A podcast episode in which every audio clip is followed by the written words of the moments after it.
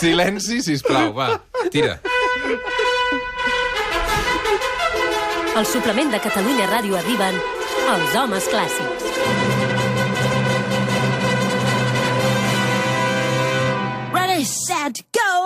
Vinga, va. No, a veure... I lo bé que tu passes amb nosaltres, eh? Sabeu què ha passat perquè la gent no entén res. Jo avui, a- ara fora d'antena, he descobert, Pedro, que hem de fer una secció sobre el Cavaller de la Rosa, que és aquella òpera que parla de la Mariscala, que és un personatge que no sap assumir el pas del temps. Ah, mira. no sap mira. assumir que es fa gran. Sí, sí, eh, Roger sí. Escapa? Què passa? No, Bueno, perquè la paraula gran vol dir moltes coses. Vol dir gran de tamany i gran d'edat. No? Sí, el, el Roger fa dos metres gairebé i Exacte. hem dit, home, tu ets un tio que et veus gran. Et veus gran i has dit, s'ha no, ofès. perdona, jo em Vaja. conservo molt bé.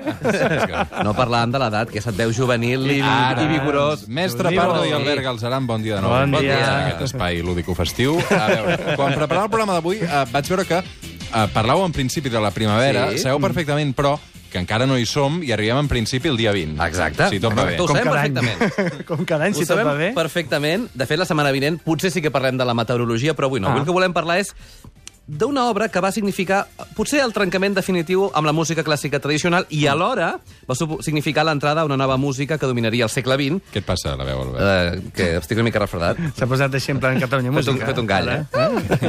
Ens referim, òbviament, bé, òbviament, a la consagració de la primavera.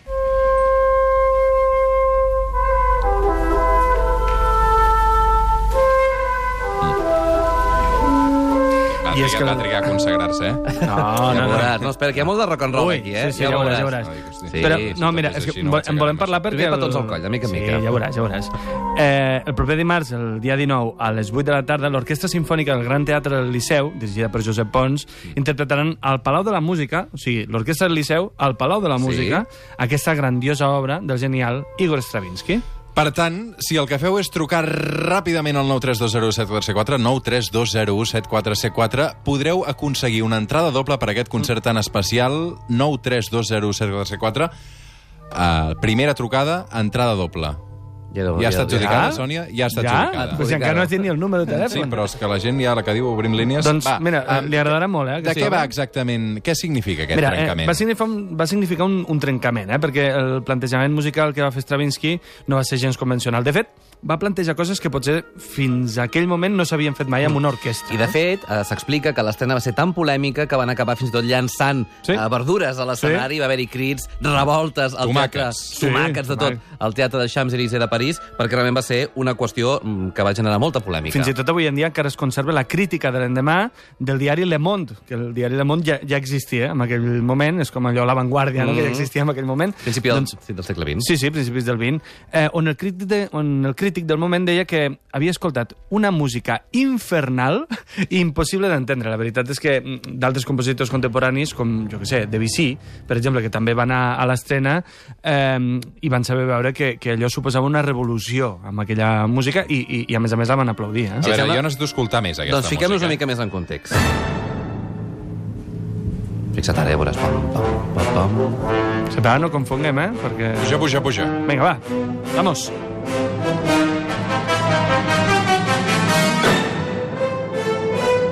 Té pinta això banda sonora, eh? Sí, Ah, que senyor. sí? Ah, que sí? És de Stravinsky? Sí, sí, sí. doncs sí, va, sí. com li va sorgir una mica aquesta idea de fer una música tan diferent a Stravinsky? Doncs, la veritat és que no li va venir ben bé com inspiració divina, sinó que va ser un encàrrec. Li va fer un encàrrec. Sí, sí, perquè en realitat la consagració de la primavera és un ballet, eh? i és que a principis del segle XX els ballets russos triomfaven a París, especialment els del coreògraf eh, Sergei Diaghilev, eh? i Stravinsky era ja tot un expert en la composició de- de- d'aquest tipus d'obres, mm. ballets. Exacte, però no va ser el primer cop, clar, sempre hi ha una un primer encàrrec, i d'Aguilev el va encarregar, evidentment, per primer cop a Stravinsky. Era molt jove i desconegut, tenia 28 anys, quan li van encarregar aquesta música que ara estem escoltant, el ballet L'ocell de foc. Exacte, això que escoltem no és la consagració de la no, primavera, eh? és l'ocell de, foc, de foc. que era l'any 1910. Aquest ballet va tenir molt d'èxit i Diaghilev li va encarregar un segon que va titular Petrushka. És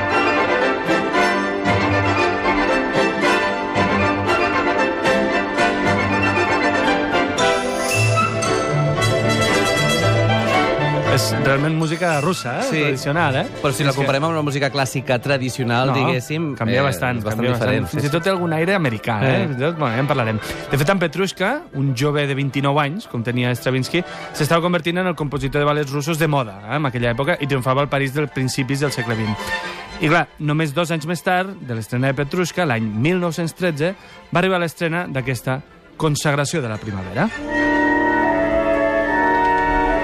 Quina música, eh? Sí, eh? Aquí ha canviat la pel·li i ja és de terror, eh? Sí. Anem a posar-nos en context i intentar explicar de què va aquesta consagració de la, Clar, perquè, de la de fet, primavera. el títol semblaria una cosa bonica i no sí, sé què. i no ben bé, eh? Perquè allunyat. la consagració ve determinada pel subtítol de l'obra. Imatges de la Rússia pagana en dues parts.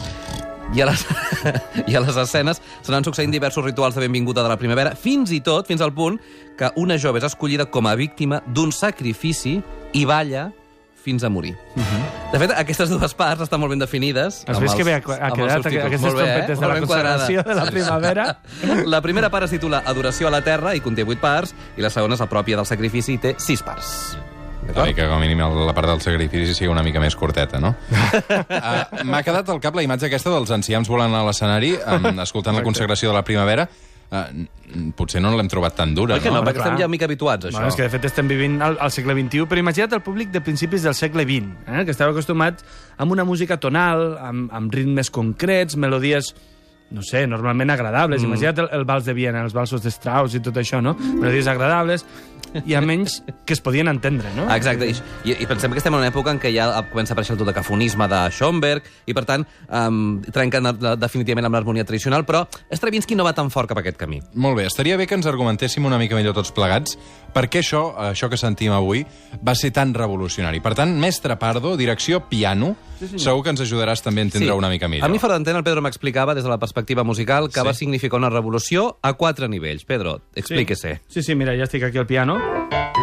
Um, I és que, bueno, Stravinsky va fer una, una revolució perquè va va sacsejar els fonaments de la música. Els fonaments de la música són la melodia, l'harmonia, eh, el ritme o, per exemple, la instrumentació. No? Uh -huh. eh, en quant a la instrumentació, Stravinsky va ser alumne d'un dels grans compositors que havia fet un mètode d'instrumentació. Què vull dir instrumentació? Instrumentació vull dir que quan un compositor diu vinga, va, escriuré per orquestra, i l'orquestra que té violins, violes, flautes, etc, doncs sap perfectament que la flauta pot tocar, per exemple, d'aquí fins aquí, que el cello pot tocar d'aquí fins aquí, etc. no? Clar, si tu li escrius una cosa amb un instrument que no pot tocar, doncs no és així. Llavors, Rimsky-Korsakov, que va ser el, el, el professor de Stravinsky, va fer un mètode de, de dir, mira, tu has d'escriure d'aquesta manera. Què va fer Stravinsky? Com a bon alumne revolucionari, s'ho va carregar.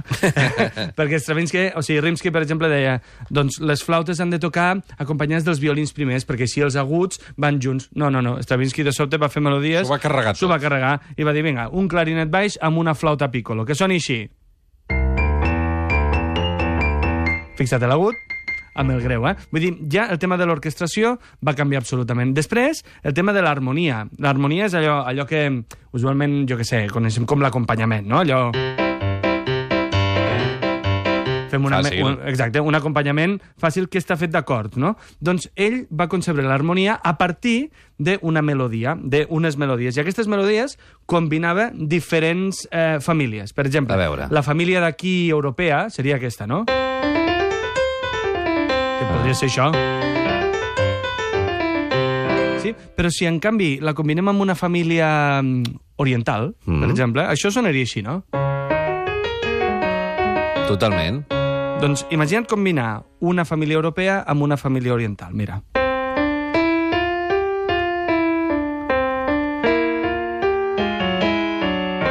Hi ha gent aquesta cosa que ens inquieta una mica, eh? Sí? És, és, jo tinc Perquè aquesta no, no, melodia... saps, no saps a qui seguir, no? no saps ben bé amb quina. I en canvi, quan jo estic tocant dos o tres notes alhora...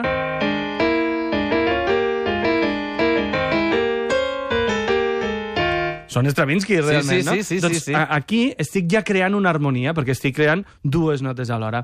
Però, a més a més, hi va haver una revolució encara més gran, que aquesta revolució la trobem amb el ritme. I és que nosaltres, quan fem un ritme, diguem, centreeuropeu, no? Mhm. un ritme de marxa, Fixa't, eh? El ritme és un, dos, un, dos. puguem ballar. Com, com a molt podem fer... Sí? Doncs Stravinsky va dir, no, no, no, no, no, no. Aquí hem de canviar ritmes, hem de canviar accents, i el que hem de fer és, per exemple, si tinc eh, el que dèiem abans, eh, una família i una altra família, i d'aquí, fixa't, podem combinar els ritmes d'aquesta manera. Escolteu, escolteu.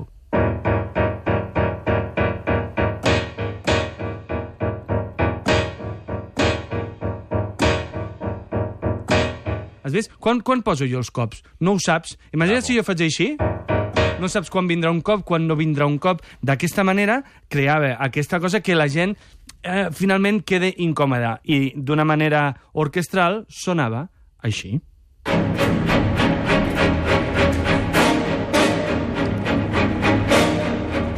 Brutal, mestre Pardo, avui al piano amb aquesta Bravo, explicació bravo. fantàstica que ens ha ajudat a entendre molt millor una cosa que no era fàcil. Una és molt difícil complexa. explicar Stravinsky, eh? No sí, gent. para todos los públicos, eh? Sí, sí, sí. Però bueno, Però és una música que és difícil d'explicar, però d'escoltar-ho és molt de fàcil. Eh? Per tant, realment paga la pena en els concerts escoltar música d'Estravinsky. A veure, homes clàssics, demà teniu cita a les 10 del vespre a Catalunya Sí, Música, com sempre, Sí. però esteu preparant una cosa grossa, no? Sí, estem preparant un programa que ens fa molta il·lusió perquè arribem al programa número 100. Ei. Dels De- homes clàssics? Dels homes sí, clàssics a de Catalunya Música, eh? Sí, de sí. Felicitar, i tant. I per Sí, això sí. demanem la col·laboració Ja de té tots... mèrit aguantar-nos, eh? Sí. Entre nosaltres, vull dir que... Ah, L'estranya parella, eh? Sí. Rieu molt, ens diuen sempre, rieu molt. Igual que aquí. Sí.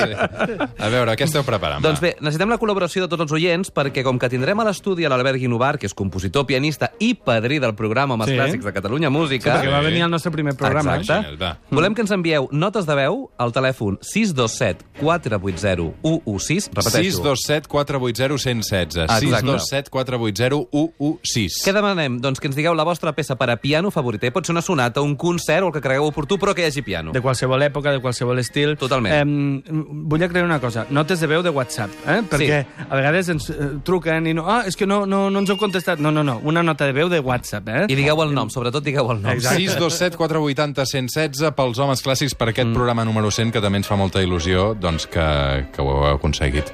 Pardo Galceran, moltes gràcies. Ara aquest final ha quedat com una mica tràgic, no, això? Que ens enviaràs una nota de Sí, veu. necessitaré... Home, clar que us enviaré nota de veu, però encara m'he de pensar quina, quina és una... Quina peça de piano, que no sigui la Paralisa, que és la que ens vas dir l'últim dia. Sí, clar, exacte. Bueno, ho he de parlar amb el Noguer, a veure si em pot assessorar. perquè no ens solapem, saps? Perquè no, no sigui que Rossini. proposem la mateixa i Rossini de... Bueno. 627 480 116. Notes de veu amb el vostre missatge. Pausa i tornem. Adéu.